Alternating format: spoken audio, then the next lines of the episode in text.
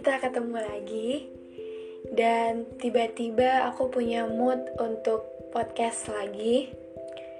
Sebenarnya tuh aku udah sempat memutuskan untuk berhenti mengerjakan beberapa proyekku. Uh, project menulis, podcast, dan beberapa yang lain.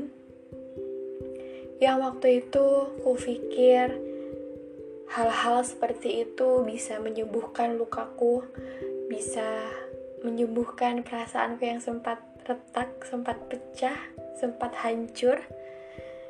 Dan saat ini, ketika aku beberapa bulan ini menjalankan itu semua, aku sudah lebih membaik. Bisa dibilang 80% sudah membaik. Uh, dan ketika kemarin aku memutuskan untuk berhenti, aku dikasih tahu sama beberapa tim aku, sama teman-teman aku untuk ayo lanjutin lagi nggak apa-apa. Gak usah dengerin omongan orang lain, gak usah dengerin mereka yang gak suka sama kamu. Jadi aku sadar kalau dengan nulis, dengan berbicara di sini, di platform ini aku bisa punya teman baru yang mungkin bisa mengerti dan memahamiku. I'm so happy. Tapi aku bakal podcast sesuai moodku. Kalau moodku baik, aku bakal podcast. Kalau kurang baik, no, aku nggak bisa untuk podcast karena ketika aku podcast perasaanku harus happy harus bahagia. Aku nggak mau ketika aku mau cerita sama seseorang aku mau sharing perasaanku sendiri masih nggak baik. Oke okay, judul subjek hari ini virtual relationship atau virtual feeling. Yay. I'm so excited. Wow perasaan virtual. Ini tuh kayak kita jatuh cinta sama orang yang kita kenal di dunia maya gitu kan? Oh, Oke, okay. hari ini aku mau bahas itu. Kita bakal bahas itu bareng-bareng karena aku juga penasaran. Aku mau tahu virtual feeling, virtual relationship itu kayak gimana sih? Apa mungkin aku pernah merasakan cuma aku nggak tahu kalau ternyata itu virtual feeling. Bahasa anak sekarang tuh kayak pacaran virtual. Anak RP anak RP gitu deh kalau di Twitter. Hmm, sebelumnya aku udah sempet nanya-nanya sama beberapa temen aku udah sempet survei ke teman aku yang pernah atau sedang menjalani perasaan virtual ini. Dan kalimat pertama yang aku tanyain sama mereka adalah uh, virtual feeling ini bukan yang kita punya hubungan tapi LDR kan? Kalau iya berarti sama aja dong. Dan ternyata jawaban mereka nggak sesuai sama apa yang aku tahu sama ekspektasiku beda sekali. Karena LDR kan ya kita menjalani hubungan uh, lewat sosial media juga lewat dunia maya juga. Cuma bedanya kita udah pernah ketemu atau circle dia sama circle kita sama tapi kita kenalnya di sosial media. Dan terus kita LDR itu masih bisa disebut LDR bukan virtual relationship. Tapi yang pengen aku bahas yang pengen aku belajarin yang pengen aku tahu adalah virtual feeling yang benar-benar ketemu di dunia maya. Dan dia nggak kenal atau kenal temennya dari virtual aja. Bener-bener belum pernah ketemu belum pernah tahu karakter dia kayak gimana. Jadi kita susah kan untuk tahu karakter orang yang deket sama kita nih kayak gimana kalau kita nggak punya teman yang juga teman dia. Dan setelah aku coba searching-searching aku coba mengerti artinya. Dan artinya jadi lebih luas bahkan beda-beda dan aku sempat bikin question box di Instagram aku tapi cuma dua jam doang karena itu udah banyak. Ya nggak terlalu banyak sih. Ada beberapa yang jawabannya lucu-lucu ada yang serius ada yang lucu. Cuma aku emang bilang sama mereka untuk ayo jawab yang lucu dan seserius mungkin. Dan mereka jawab dengan lucu dan seserius mungkin aku bakal coba bacain jawaban-jawaban mereka cuma aku nggak bakal sebutin akun Instagramnya karena itu privasi. Uh, aku belum sempat izin juga kemarin. Karena tim aku yang di depan aku nih guys. Jadi di depan aku nih udah ada tim aku zoom sama mereka. Cuma mereka matiin micnya. Aku disuruh cepat-cepat ke podcast katanya biar aku nggak murung nggak sedih gitu di grup oke yang pertama aduh aku pengen banget bacain akunnya deh. Gak boleh ya privasi. Ya harusnya pengen nanya dulu ya. Uh, pertama virtual mungkin cuma chat telepon sama video call aja Mel. Uh, oh oke okay. nyambung sih. Cuma LDR juga kayak gitu gak sih? Sama aja sih ya. Yang kedua langsung aja ya. Uh, dari uh, pacaran atau sekedar sedang gabut? Oh gabut. Oh jadi tahu-tahu. Jadi kayak ya gabut aja gitu pengen deket sama cewek gitu kan. Yang sih? Yang ketiga next ya kita next. Virtual sama sakitnya kayak LDR ya nggak Mel? Di enggak sih enggak enggak menurut aku LDR tuh nggak sesakit virtual. Aku bisa jawab ini karena aku udah bacain jawaban-jawaban mereka ya teman-teman. Jadi aku bisa ngerangkumin kalau LDR sama virtual ini beda sih. Sakitnya atau kayak uh, apa ya rasanya tuh kayak beda. Kita langsung aja next karena ini beda beda pembahasan sayang banget sama cewek gue yang virtual Mel. Padahal di nyata di deket gue masih ada yang kayak dia. Cuma gue nyamannya sama yang virtual. Wah kayak gini nih yang bahaya yang susah. Karena kita nggak bisa uh, mengatur hati kita buat suka atau nyaman sama seseorang. Ya nggak sih? Dan kalau orang itu virtual ya kita harus terima konsekuensinya nanti. Uh, apalagi sih nih? Dari siapa sih nih kak pacaran virtual lebih susah bedain mana yang tulus. Uh, iya sih udah nggak? Uh, bener-bener karena kan kita nggak tahu nih dia kayak gimana. Jadi kita kayak selalu terbayang-bayang sama pikiran dia tulus nggak ya? Dia serius nggak ya? Dia aslinya gini gini gini nggak ya? Overthinking gitu ya sih kayak menurut aku. Ini pasti yang virtual udah tahu bakal ada pandemi bakal ada covid jadi praktek deh sekarang. Oh jadi kayak ngeramal maksudnya. Lucu banget enggak enggak enggak sih. Yes juga sih mungkin karena kayak kan banyak nih orang atau yang jadi main TikTok, main Instagram, terus ketemu nih di FYP, F ya apa sih namanya itu? Ketemu nih cantik nih, ih di DM deh, terus nyaman jadian deh, itu kan? Ih seru deh episode hari ini. Apalagi sih nih masih ada gimana? Oke ini pacaran virtual khusus jomblo ngebet pacaran. Enggak sih, aku nggak nggak mengiyakan kalimat ngebet pacaran karena kalau ngebet pacaran tuh kayak ya taunya ih, gimana gitu mungkin bahasa baiknya tuh seseorang yang udah butuh temen untuk cerita ngobrol atau udah mulai ngerasa kesepian mungkin seperti itu. Kalau ngebet aku kurang setuju. Yang terakhir yo terakhir ya.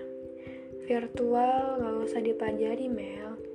Cinta itu sama aja ya G cuma bedanya yang ini belum pernah ketemu. Ya bener. Nggak perlu dipelajari. Cuma kalau kita merasakan itu ya kita harus cari tahu lah. Kita harus uh, menanggung konsekuensinya. Kayak kita harus tahu nih konsekuensinya apa dulu. Dan ketika kita mencari itu kita harus mempelajari juga kan? Hmm oke. Okay. yang aku tangkap dari jawaban-jawaban ini adalah pacaran virtual ini yang dari awal sampai ada hubungan bahkan sampai hubungan ini berakhir itu dua-duanya belum pernah ketemu and that's ini sangat menyakitkan gak sih? Menurut aku menyakitkan. Because kehadiran menurut aku itu sangat penting dalam sebuah hubungan. Ya gak sih? Ya mungkin ada beberapa yang setuju sama statement aku. Tapi yang aku nggak relate adalah kok bisa orang yang belum pernah ketemu sama sekali nggak punya temen atau saudara di tempat virtualnya dia bisa jatuh cinta bahkan sampai pacaran. Ya tapi ini segi pandang atau sudut pandang aku. Kita nggak tahu sudut pandang orang lain kayak gimana. Jadi kita nggak bisa menyamaratakan. Uh, jadi sekarang aku mau coba untuk berada di posisi mereka. Coba untuk merasakan yang mereka rasakan. Yang namanya manusia pasti pernah merasa kesepian di jam-jam tertentu. Seperti tengah malam menuju jam 3 pagi. Kadang ada perasaan yang tiba-tiba muncul kayak ya tiba-tiba kalian overthinking bahasa anak zaman sekarang. Tiba-tiba ada rasa kangen nggak tahu tiba-tiba nangis nggak tahu karena apa. Tiba-tiba random aja pengen punya pacar gitu kan dan pikiran-pikiran yang buat kita berharap sama sesuatu hal itu ketika datang ketika muncul dan seseorang itu dari dunia maya ya kita nggak bisa menghindari itu semua. Kita kita pasti bakal kayak menerima karena itu yang kita butuhin. Dan ketika ada dan dia nggak nyata ya ya gimana sih? Ya zaman sekarang tuh kayak logika tuh dipakai dikit gak sih? Kayak yang penting gue nyaman yang penting gue senang dulu. Ya nggak? Ya mungkin beberapa ada yang kayak gitu. Uh, kita aku kalian semua butuh teman bicara teman ngobrol. Kita semua butuh orang yang kayak gitu. But everyone is different. Ada yang di jam-jam tertentu ada teman ngobrol ada juga yang kesulitan mencari orang itu sama yang kayak tadi aku bilang kita nggak bisa menyamaratakan orang harus sama kayak kita harus sesuai dengan yang kita mau kita harapkan. Dan ketika ada beberapa orang yang menemukan harapan itu di orang lain yang cuma ketemu di dunia maya ya kita nggak bisa marahnya ada beberapa orang yang menemukan itu semua di orang yang dekat dan mudah dengar dia. Dan di beberapa keadaan ini, uh, zaman sekarang tuh serba digital. Kita bisa lebih mudah berinteraksi sama banyak orang, kita bisa lebih mudah ngobrol sama banyak orang, dan kita lebih mudah dekat orang itu lebih gampang untuk meraih kita, kita lebih bisa meraih dia cuma berjarak aja dari mata ke layar HP kita. Terus tiba-tiba nih dikasih seseorang itu di layar HP. Orang yang kita mau, yang kita butuh itu ada di HP kita, di dunia maya, di sosial media. Dia ini emang nyata. Cuma ya dia ada di sosial media. Dia dia nggak bisa kita sentuh kalau kita nggak ketemu. Benar? Tapi kehadirannya kapan dia datang itu stuck di situ aja. Dia nggak hilang-hilang. Dia ada di depan kita cuma di layar HP nggak di depan kita yang kita bisa megang dia. Kita bisa genggam tangan dia kita bisa peluk dia. Uh, dan ternyata beberapa orang itu cukup untuk diberi teman cerita, teman bicara, ya walaupun cuma dari suara, chat, video call, dan yang lain. Yang mengerti cuma mereka yang ngejalanin, cuma mereka sendiri. Ya kita nggak bisa mau bagaimanapun orang itu jatuh cinta, kita nggak bisa melarang dia untuk berhenti dari cinta itu bagaimanapun cara cinta bekerja, bagaimanapun wujudnya, kita harus terima. Ya, karena cinta itu is really free. Ini sangat gratis. Kita nggak bisa buang dia gitu aja. Ketika kita butuh, ketika apa yang kita harapkan, kita yang mau ada, kita pasti bakal mencoba untuk menerima itu. ya bagaimanapun kalian ketemu sama seseorang yang menurut menurut kalian kalian butuh bagaimanapun kalian bertemu dengan seseorang yang ini loh yang gue mau tapi dengan cara yang berbeda gak apa-apa. Lanjutin terusin. Gak ada yang bisa ngarang kalian. Biar cinta yang bekerja biar hati yang bekerja. Kalau kalian capek istirahat. Kalau masih mau meneruskan jangan putar balik arah terusin karena hati kalian itu tahu mana yang baik dan mana yang enggak buat kalian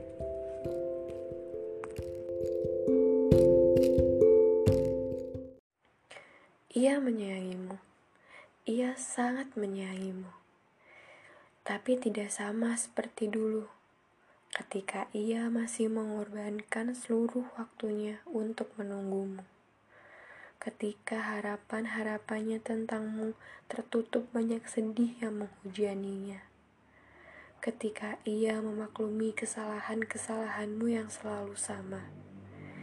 Karena ia percaya bahwa kepergianmu hanya sebuah mimpi semata. Iya, ia menyayangimu sedalam itu. Sekarang, ia sudah pergi jauh bersama kenangan yang berjalan di belakangnya. Seperti bayang-bayang yang tidak kelihatan, padahal memang tidak pernah berhenti mengikutinya. Ia pergi jauh bersama sebagian dari dirinya yang akan selalu ada bersamamu. Dengan memaksamu tetap di sini, ia justru akan semakin menyakiti dirinya sendiri karena karena ia tahu bahagiamu tidak lagi ada di dirinya. Ia tahu kamu sayangnya sama siapa Harapan yang selama ini ia pendam hilang begitu saja ketika kamu ternyata sudah lebih dekat dengan yang lain. Perlu kamu tahu bahwa mencintaimu adalah hal menyebalkan, tapi tetap saja aku lakukan.